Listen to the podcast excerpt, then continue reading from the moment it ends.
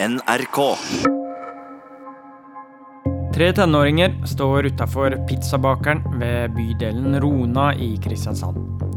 Denne morgenen så har de starta med frokost på Hotell Ernst, som de ikke betalte for, før de stjal en brødkniv på en Kiwi-butikk.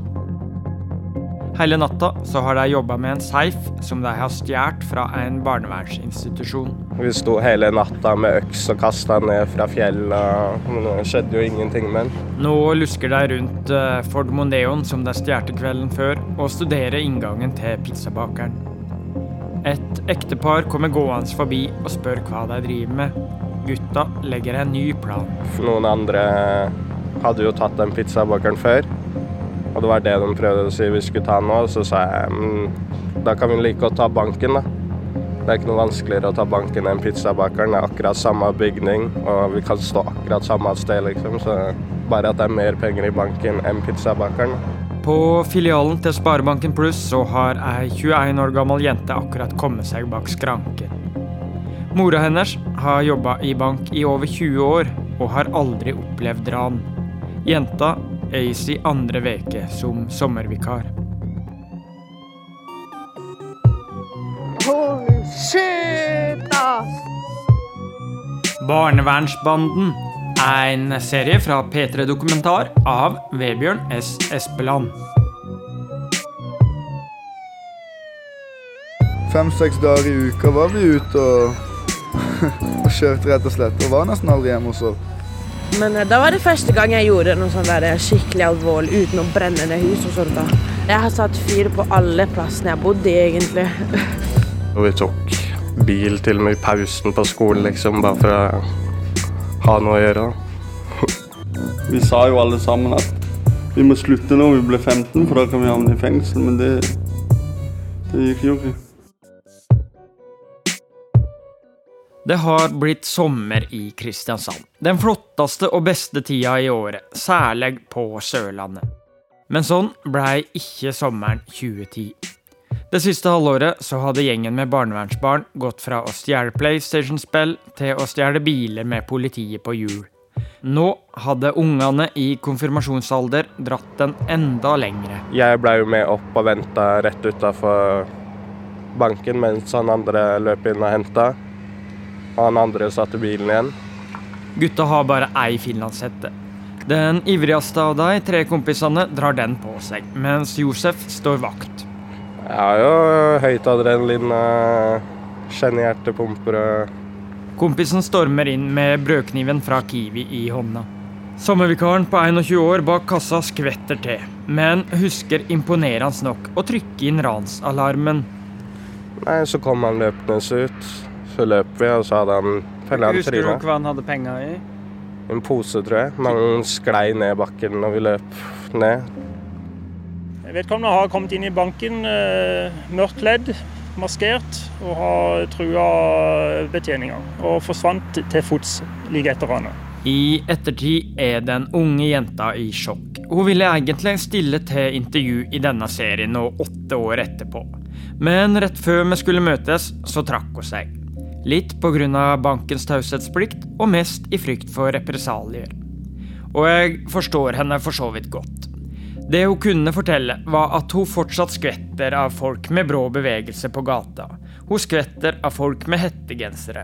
Og hun skvetter av grønne Kiwi-poser, som var det som raneren putta ransutbyttet i. Han har fått med seg et ukjent pengebeløp. Vi har funnet en del penger som lå strødd like rundt banken den veien han hadde tatt, like etterpå. Men det visste ikke jeg før jeg leste på nyhetene seinere, liksom, at han mista mye. da. Ja, det var surt å lese, men eh, De endte opp med 42 000 kroner. Det store bankranet skjedde i ei helt spesiell veke i livet til den 15 år gamle Josef. jeg hadde én ransuke. En ransuke? Ja. Hvor jeg tok var med på banken, Shell 7-Eleven, én buss og Hydro. Så der andre 15 år og arbeidsuke, så hadde du ei ransuke? Ja. Men det var liksom kun den uka, da. Tre uker tidligere så hadde Glenn starta si ranskarriere. Også da sammen med han som snart skulle storme inn under bankranet. Kristiansand var veldig brukt opp. Vi trengte penger. Så da det ble ran, det gjorde det. Gutta valgte seg en bensinstasjon i Mandal. Første ranet, det var et mislykket, faktisk. Det var i Mandal, Bensinstasjonen. Vi får beskjed. Han gikk og hørte meg om det var kontanter der. Han sier ja, det er kontanter der.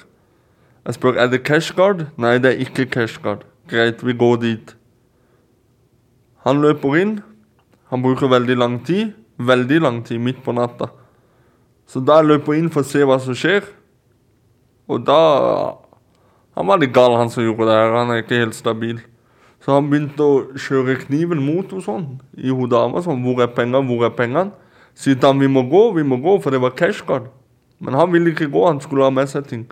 Så jeg måtte nesten fysisk gå og hente han. Si 'vi må gå'.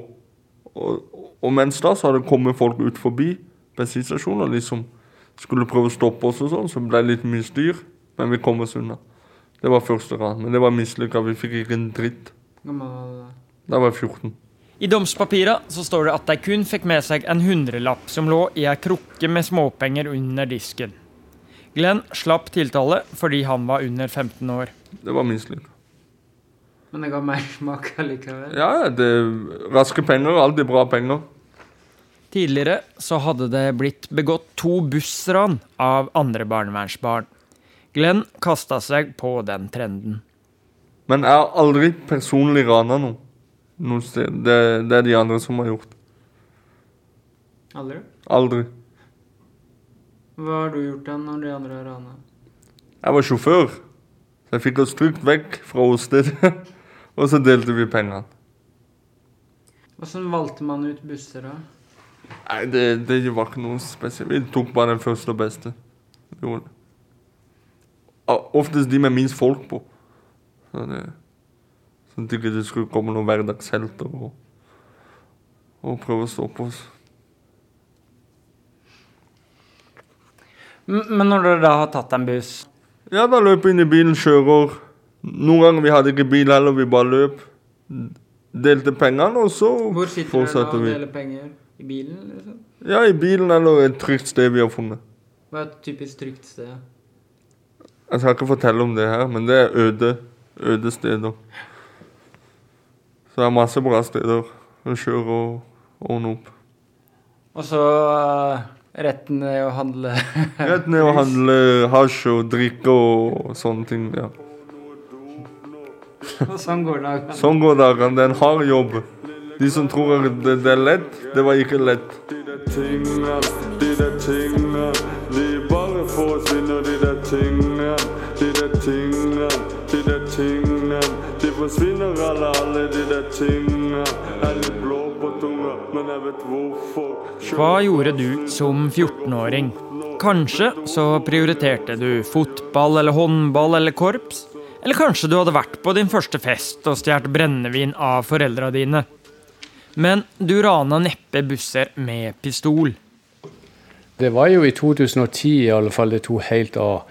Vi hadde jo hatt ran i, i, i noen år på forskjellige ting, men det var jo stort sett voksne mennesker som gjorde dette. Geir Hansen var seksjonsleder på etterforskning. På mange av avisoppslagene denne sommeren så sitter han i politiskjorta si med armene i kors og ser alvorlig og bekymra ut. Når det nå var folk nede i 14-15-årsalderen, 16-årsalderen som gjorde dette gang på gang på gang, så skjønte vi at det her eh, det er noe helt nytt for oss. Dette må vi bare ta tak i. I løpet av et par uker så var det begått flere væpna ran enn det til sammen hadde blitt på flere foregående år. Også politiet følte seg maktesløse. Det var jo ikke mer enn ett ran hadde skjedd, så skjedde det nye ran. Så det liksom, du klarte liksom aldri å lande noe. og Hadde dette vært voksne folk, så hadde de jo gått til fengslinger og fått uh, varetekt og kanskje kjappe dommer og fått de vekk. Men ungdom skal i utgangspunktet helst ikke i fengsel. Det gjør at politiet òg har et, uh, ja, en stor utfordring i forhold til å holde på de lenge nok til at vi klarer å få ro til å, etterforske sakene fullt ut. Barnevernsbandemor Linn Elisabeth beskriver politiet på denne tida som drosjesjåfører. Som kjørte tenåringene i skytteltrafikk fra resten tilbake til institusjonene. Barnevernet har hatt forsterket vakthold rundt 15-åringen som rømte fra en institusjon i Kristiansand i natt. Gutten har vært innblandet i flere krimsaker på Sørlandet den siste tiden, men greide likevel å rømme ved hjelp av to maskerte personer. Gutten ble pågrepet i formiddag, og politiet ser svært alvorlig på saken. Eh, han har jo gitt uttrykk for at han får et kick da å begå straffbare handlinger. og Når han da ble spurt om hvis fornærmede ble skada, hvordan han ser på dette, så har han antyda at eh, det ville ikke ha gjort så mye. Åssen var stemninga på politihuset når du kom dit om morgenen, når det var som verst? Nei, En var jo veldig oppgitt. Eh, og Vi frykta det som skjedde og den utviklinga. Og ikke minst når det gjaldt mange av de ranene som skjedde mot busser bl.a. Så var jo eh, bussjåfører, enkelte i alle fall, de nekta å kjøre kveldsvakt og nattesvakt. og Noen ble sykemeldt. Dette gikk veldig inn på det. Noen sa det at når de kom til et busstopp hvor de så deres stå ungdommer, så var de i tvil om de turte å stoppe. Og det er klart, det, Sånn kunne vi bare ikke ha det. Så, så dette måtte det gjøres noe med. Men det gikk måneder før Geir Hansen, politiet og andre samfunnsetater klarte å bremse ungdommene.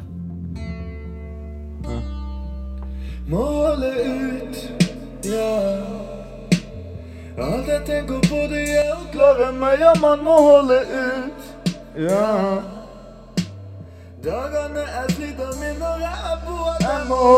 Glenns gode kompis Emil hadde runda den kriminelle lavalderen på 15 år og var lykksalig nok på en spesiell campingtur disse hektiske sommervekene. Uh, ekte jail shit! Da var jeg heldigvis på rømmen i Danmark. og Bodde i Kristiania i telt og koste meg der istedenfor. Telttur i fristaden i København, altså plassen i Norden hvor det er mest tilgang og fokus på cannabis. Så gikk jeg tilfeldigvis inn på, på på nettavisa til VG, da. Og så så jeg jo med bestekompis på forsida der. Skjønte jeg det hadde balla seg en god del på det. Dere ringte et par telefoner, og mange varetektsfengsler. Og sånn var det. I Emils fravær så var det nok av kompiser som kunne fylle tomrommet. Sånn som Thomas fra Justvik utafor Kristiansand, som fikk den tvilsomme æra av å være den første i gjengen som rana buss. Første gang jeg rant bussen, da en en gasspistol. Jeg var så rusa. Jeg, jeg, skulle dra den opp, men jeg hang fast i beltespennet, så jeg sto og knota med den. Så da jeg først fikk han opp, så klarte jeg å klaske han bussjåføren sånn, i haka med den pistolen. Og så ble jo han livet. Det var ikke mer at det skulle bli så jævla alvorlig som det ble egentlig. Men jeg var fin i trynet, og det sier litt når jeg begynner å knytte skoene rett utenfor bussen, liksom før jeg løp. Og Etter jeg har fått pengene, står der og skal knytte skoene og Hva faen, liksom. Helt ut av det. Her kjenner Glenn seg litt igjen. jeg kan huske det ranet der. Jeg tror de var ganske fine i formen, ja.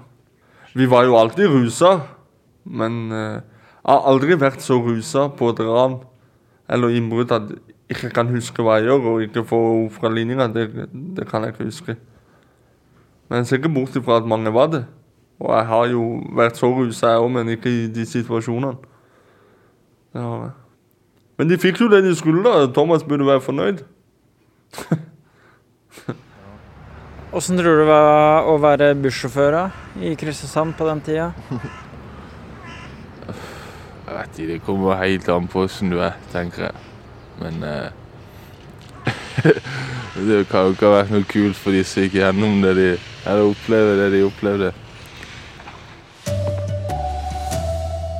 Bussjåfører i Kristiansand varsler at de selv vil ta hevn hvis barnevernsbanden begår nye ran. I går kveld skjedde det igjen. Ved denne Shell-stasjonen på Mosby utenfor Kristiansand slo en 15 år gammel gutt til mot bussen som var på vei mot sentrum.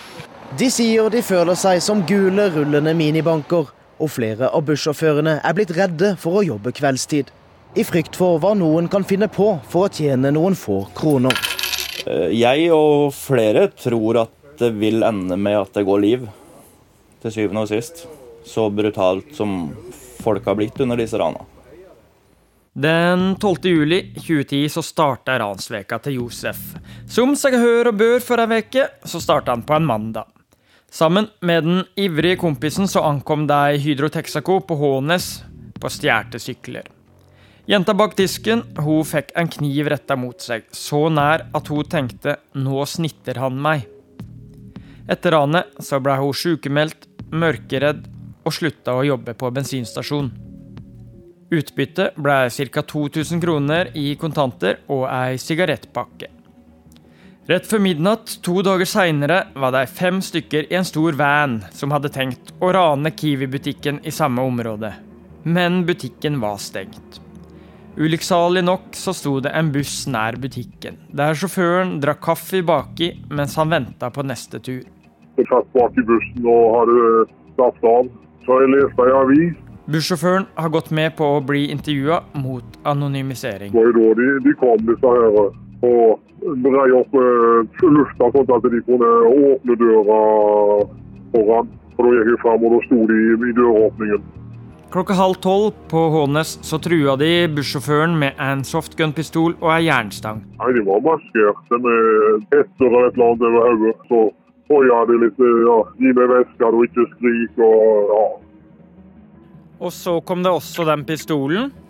Ja, det var jo den som kom. Det var vel ikke helt oppi hodet, men det var jo ikke langt ifra. i hvert fall. Det var opp mot ansiktet. De tok bussveska inneholdende 3464 kroner i kontanter, samt noen busskort. Så fikk jeg ringt og sentralen og trykte vel på en alarmklapp som vi har i bussen her også. Så da fikk jeg varsler. Jeg ble sittende der til politiet kom. Og Åssen følte du det da, når du satt der og venta? Skjelven og jævlige. I ettertid så blei bussjåføren var på lyder og gjenopplevde hendinga stadig.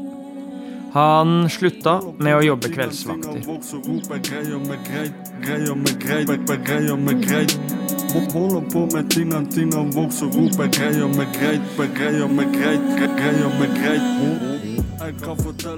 Etter bussranet kjørte Femkløveret til den andre sida av Kristiansand, til Brennåsen, hvor den døgnåpne Shell-stasjonen til Johan Jørgen Ribe lå. Den som politiet mente hadde satt europarekord med fire væpna ran på fire måneder. Det lå på en minnebrikke i en gammel telefon. Nå må jeg finne det igjen. For, for, ta Fortell om det bildet. Der har du raneren som har akkurat har fjerna våpen og skal ha penger av ekspeditøren. Der har du dama som mens han raner, kommer spaserende frem, henter hamburgeren sin og går tilbake igjen og spiser hamburgeren. Jeg ser på overvåkningsbildene han snakker om. En maskert gutt stormer inn med pistol høyt heva, litt på skeive, sånn som i film. Når han har kommet bort til kassa, så står det ei dame ved siden av han, kun en meter unna. Hun ser ut til å verken ense gutten, pistolen eller finlandshetta. Hun går fram til disken og henter seg en saftig burger. Ha, har du funnet ut hvorfor hun var så rolig? Skjønte du ikke hva som skjedde? Eller? Nei, jeg tror ikke hun skjønte riktig alvor. Og det andre var jo at politiet la Hun var så vant. Var så vant til det. Har du fått penger for det bildet?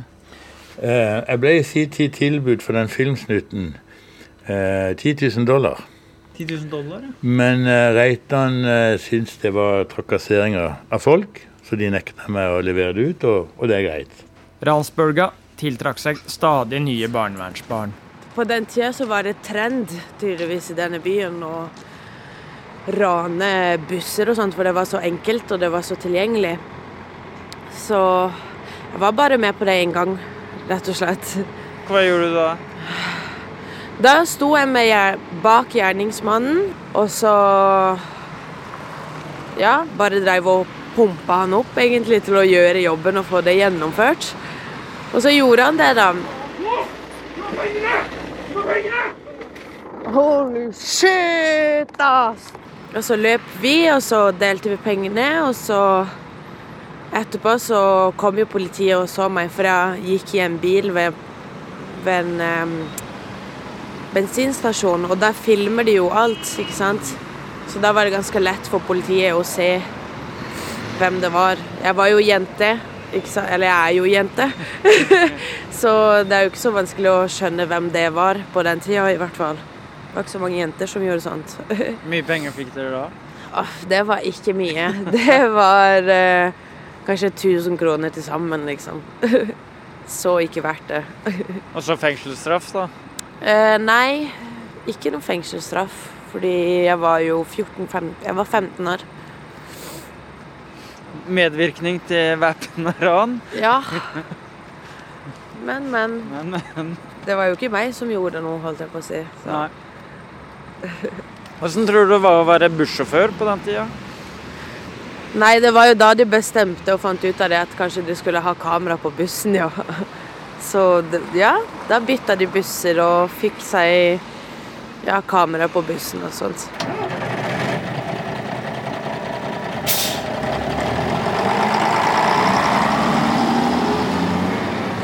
Jeg er dømt for fire grove ran og medvirkning til tre. Thomas fra Justvik. Jeg ble aldri dømt for det bankranet. da. Jeg var heller ikke med på det. så Jeg spør Thomas hvorfor det blei så ekstremt denne sommeren 2010. Jeg vet ikke. Jeg rante jo den første bussen. Jeg, etter det så ble det liksom Glenn var helt rå på å stjele biler i kveld, så han var jo ikke sant, Skrøt hvor mange biler han hadde tatt. Ikke sant? Jeg hadde rant noe. og Den og den knivstukket noen. Så ble det liksom vi skulle overgå hverandre hele tida. Hele tida være tøffeste, den hardeste, ikke sant. Så når jeg gjorde et ran, så gikk to andre, og så gjorde de to ran. Og så var ikke jeg lenger den tøffeste, fordi de har gjort to ran. Så jeg sa helvete, du må rane noe enda større. Er det man kan kalle usunn konkurranse? Ja, det vil jeg si. ja, absolutt. Og så ble de jo så hypa opp, vet du. Så barnevernsbanden, det er jo medieskapt. Linn Elisabeth, mor til en av barnevernsbandittene. Det hadde jo guttene aldri tenkt på sjøl å kalle seg for det. Så du vet da, når de begynte å rane og sånn for, for penger, de begynte jo på bussene. De har jo sørga for at ikke du kan gå med mynter på bussen, om ikke annet. Så du vet, så begynte de jo liksom Da var det jo liksom Øy, hvem får førstetida i morgen? Så rana de seg jo hele veien til TV 2-nyhetene. Styrte rundt her på busser og bensinstasjoner og banker og hoteller og gud vet hva ikke. De, de var jo helt ville. Er det ikke litt i publikum og borgere i Kristiansands interesse at de får vite hva som foregår? Selvfølgelig så er det jo det. Det er jo ikke det som er poenget. Tror du de hadde vært mindre kriminelle dersom media ikke hadde skrevet om dem? Ja. Tror ikke de hadde Halvparten av det hadde de nok ikke gjort. 500 lovbrudd mindre? Ja, hvis det er så mange, så ja. Så vil jeg tro det. For det, det skal jeg love deg. De var Dere hjalp godt til å hype de opp. Jeg hadde faktisk jobb på en avis fra den tida. Ah, kult. Uh, Hallgeir Oftedal er Sørlandets mest erfarne krimjournalist. Hva er det du har på avisforsida her? Der er Karl Ove Knausgård og en ukulele, og så storoppslaget. Og Da er det 16 tenåringer som står bak 666 lovbrudd, og så er det et bilde på frontsida om når de begår et ran på en buss. Det var ingen etiske dilemmaer knytta opp mot dette for vårt vedkommende. Og det er ikke Federlandsvennen og journalisten og mediene som skal stoppe kriminaliteten, vi skal omtale den. Oftedal sier at de var full klar over medienes mulige smitteeffekt, men at avisa ikke kunne la være å fortelle om hva som skjedde i Kristiansand. Det er ikke det som, som utløser uh, det de holder på med, det at de blir omtalt. Det er helt andre forhold. De er rusavhengige.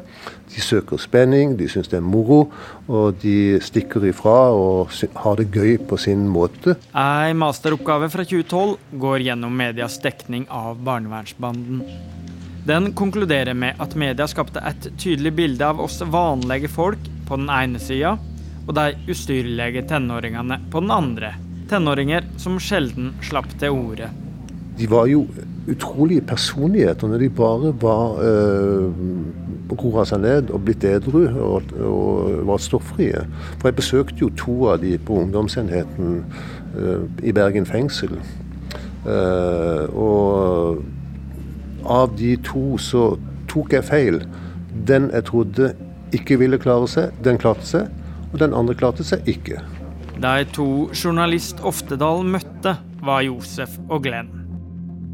Etter hvert så kommer det seriøse NRK Brennpunkt med et program som satte barnevernsbanden i sammenheng med Hells Angels. Bildene viser ungdomsbanden som herja Sørlandet i fjor. Hells Angels rekrutterer ungdom i kriminelle miljø, og disse unge guttene blir kobla til MC-klubben sin såkalla gategjeng. I forbindelse med etterforskinga avslørte politiet spor som de mener tyder på en link mot en Hells Angels-styrt ungdomsgjeng i Kristiansand. Og Eddie Eidsvåg, mannen bak Pøbelprosjektet, var overbevist om at Kristiansandstenåringene var opplært av Hells Angels. Alle oppegående mennesker må jo skjønne at dette er ikke noen som 14-15-åringer har, har, har, på en måte funnet på sjæl. De kan sitte og drømme om det, men de går ikke ut og gjør det. De blir på en måte instruert og lært av noen som sender de der. Han er idiot. Han han gikk ut i media. Ja, vi kjenner barnevernsmannen, og disse jobber for Hells Angels i dag. Vi har aldri truffet han. Han er fra Stavanger. Hvem faen i barnevernsmannen har vært i Stavanger? Ingen. Han han der Eidsvåg-fyren han har irritert meg faen meg ti år snart. Han tullingen der, altså. Ja, faen så irritert jeg er på. Jeg kjenner det koker i meg nå. Gå i media og prøve å si at vi har jobber for Jeg bare tull alt. Vi har aldri sett han engang. Ja, man, det er idioten. Det er plutselig kommer film på deres kanal, og Pøbelprosjektet ser han igjen. Knuser skjermen, da? Nei, for da får jeg ikke ny TV. Men faen, altså. Jeg må bare få det ut. Jeg håper han hører det her òg. Satan, for en tulling, altså. Man gjør vel noe riktig òg, eller? Med de som liksom i forhold til å se Ja, lykke til. Jeg bryr meg ikke om han. Glenn har ei slags forklaring på hvor disse ryktene om Hells Angels kommer fra. Det, det er en fyr som har sagt han er med i barnevernsbanden i retten en gang. Men han, vi vet ikke hvem det er engang. Men det var ikke han som sa at han var med i Hells Angels? Jo, det, det er han og en annen som har gått rundt og sagt at de har gjort det her pga. de og de. Det er bare tull. De prøver bare å unnskylde seg sjøl i retten, og så drar de folk inn i bildet som aldri skulle vært med i det bildet. Da antallet lovbrudd hadde passert 1000, og det samtidig var flust av oppslag i Fedrelandsvennen, Dagbladet, VG, TV 2 og NRK, så gjorde det at flere enn bussjåførene var redde for livet. De ulike instansene kunne ikke lenger sitte og håpe på at noen andre skulle ordne opp. Statlig barnevern, kommunalt barnevern, psykisk helsevern, rusbehandling, politi, påtale og barnevernsinstitusjonene satte seg ned på felles møter. Og da valgte vi å kalle det Prosjekt Respekt. Og det var ikke tilfeldig, for respekt betyr å se på nytt, se med nye øyne. Karin Bertelsen ved kommunens kriminalforebyggende team var ei av de to som fikk den vanskelige oppgaven med å ordne opp i et Kristiansand i krimkaos. Og dette er veldig sårbare ungdommer som eh, har mye bra i seg, mye godt i seg. Men vi så når de kom sammen, så tok det helt av. Og en ting som jeg syns er viktig å få fram, er at eh, det som var felles, er jo rus. Og vi vet at rus er en opprettholdende faktor for kriminalitet. Turnusene ble lagt om sånn at eh, de unge skulle få færre ansatte å forholde seg til. De ansatte fikk trening av psykolog for å prøve å nå inn under ungdommenes harde fasade. Og kidsa ble tidvis fratatt telefon og internett. Og vi så at det, det var bra for dem, for de roa seg ned. Det kanskje aller viktigste tiltaket var å plassere ungdommene langt vekk fra heimen og vennekretsen. Og det satt langt inne for oss å gjøre. Det er viktig å få fram. For vi vet at veldig ofte så vil ungdom søke hjem til familien sin, nesten uansett hvor vanskelig det har vært der. Så vil de rømme hjem, de vil rømme til nettverket sitt. Eh, for å være ærlig så tror jeg jeg kan si at det, det var noe bra med det, og så noe som ikke var så bra. Mm. Men at det ble roligere i Kristiansand for eh, skal jeg si, hvermannsen, roligere for de som hadde følt seg utrygge en stund, roligere med tanke på ran, og for eh, eh storsamfunnet eller samfunnet, det ble jo veldig merkbart, og det ble lagt merke til på flere hold. Glenn ble sendt til Meråker i Trøndelag. Sånn som en gang jeg skulle egentlig hjem til jul, for da hadde jeg oppført meg veldig lenge. Skulle hjem til jul og være med familien din. Jeg hadde ikke vært det på mange år. Og da de sier ja, Glenn, vi skal gå og kjøpe julegaver. Ja, greit. Vet du hva de gjør? De kjører meg langt ut i skogen på ei hytte uten strøm. Og, og så sier de nei, du får ikke komme hjem til jula likevel. Skjønner du, det er ikke bra når du er 15 år og gjør sånn med en 15-åring. Og da, da du blir ned psykisk. Og føler du da at det hjelper å oppføre seg? Da tenker du det trenger jo ikke oppføre meg, ikke sant? Så jeg, jeg syns litt synd på de som jobba på de institusjonene som måtte si sånne ting. For mange av de var veldig greie òg, faktisk. Det var de. Det er jo ikke bare, bare jævler. Institusjonen som Glenn snakker om, Aleris Meråker, mista godkjenninga og ble stengt i 2012. Ifølge rapporten etter ulovlige plasseringer av barn, mangel på kunnskap og manglende krav til bemanning og manglende kompetanse blant de ansatte. Men moderselskapet Aleris Ungplan fortsatte med barnevern. I fjor solgte de barnevern til staten for 1,92 milliarder kroner. Hva skulle jeg gjøre når jeg var midt i skogen i Meråker eller Mosvik i Nord-Trøndelag? Jeg måtte ta en bil for å komme meg vekk. Det er ikke bra, men jeg ville ikke være der. Jeg hadde ikke penger til buss, ikke mobiltelefon. Jeg fikk ikke lov å ha noe. Så det, det er ikke riktig, men jeg fikk Uansett mye jeg overførte meg, så fikk jeg aldri lov å dra hjem. Jeg fikk aldri lov å få noen go- goder. Storsamfunnet klarte å skille de hyperkriminelle barnevernsbarna, og samkjørte til og med permdatoene deres, sånn at de ikke skulle være i Kristiansand samtidig. Sjøl om Glenn og flere av de andre klarte å rømme og komme seg hjem, så var ting forandra. Den pulserende krimbølga eimen av ferske penger og synet av barn med våpen, den forlot på mange måter Kristiansand på seinhøsten i 2010. Ungdomskrimtallene ble redusert med 76 Østa siden jeg var liten kid Blei for dum til liten tid Så jeg fikk få smaken av noen lette penger Ville være tøyk sånn som rappestjerner Gatelivet Men åssen gikk det etter ranet av banken, som var avslutninga på ransveka til Josef? Jeg kjørte ved bilen mot Justvik et sted. Og parkerte den, spilte med brannslukningsapparat. Fingeravtrykk? Ja, DNA. Bare spilte den. Og så tok jeg bussen til Lillestrøm samme dag, tror jeg. Eller hjem igjen. Med en tredel av penga, eller noe? Jeg, eh, den morgenen når vi sto opp, så gikk vi opp i skogen. Og så ringer moren min meg sånn fem minutter etter at jeg hadde dratt. da, og Så bare 'Josef, du må komme hjem'. Jeg bare nei, hvorfor det, liksom? Hun bare 'du må'. Jeg bare nei, bare si hvorfor. Så bare politiet er her. Og da skjønte jeg Da gjemte jeg jo alt jeg hadde i skogen og gikk ned. Og så sa de hva som hadde skjedd og hva de mistenkte meg for. Så ble jeg kjørt til Lillestrøm politistasjon. Før jeg videre ble henta, ble jeg kjørt til Kristiansand. Åssen ble du tatt for det? Det var noe, noen som hadde nevnt navnet mitt, Tysta, egentlig, som fikk meg inn i bildet. Det var, det var ei jente på 21 år som var på sommerjobb eh, den dagen eh, dere rana banken. Eh, som si, sier hun fortsatt sliter med liksom, folk som går fort forbi henne, eller hvis du ser folk med Kiwi-poser, så blir hun minna på det ranet. Hva tenker du om det? Eh, Sånn før, på det tidspunktet, så kunne ikke jeg skjønne at det, at det var så hardt for dem, da. Men sånn nå som jeg er blitt eldre og sånn, så kan jeg skjønne at det er godt mulig. Og det beklager jeg jo for, da. Året etter så var det et par grove hotellran begått av det jeg kaller andre generasjons barnevernsbanden. Før Kristiansand var tilbake til å være en ganske rolig by. En by med kriminalitet en del over gjennomsnittet i landet. Men slutta barnevernsbanden med krim av den grunn? Har liksom fengsel og straff lært deg ei lekse nå? I neste episode så får du høre om åssen det går med Josef, Alini, Emil og Glenn i dag. Så bestemte jeg meg for at jeg måtte komme hjem og prøve meg med denne musikken. Og det gikk bra de første månedene. Helt til jeg reiste på en ferie til, til Spania som ikke gikk helt bra i sommeren 2013.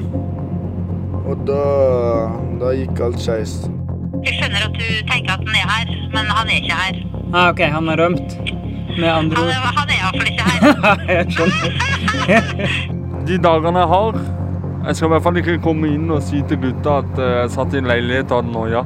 Jeg skal si jeg var på konserter, jeg gjorde ditt eh? Jeg har noe å fortelle om. Ikke sitte og ha noia.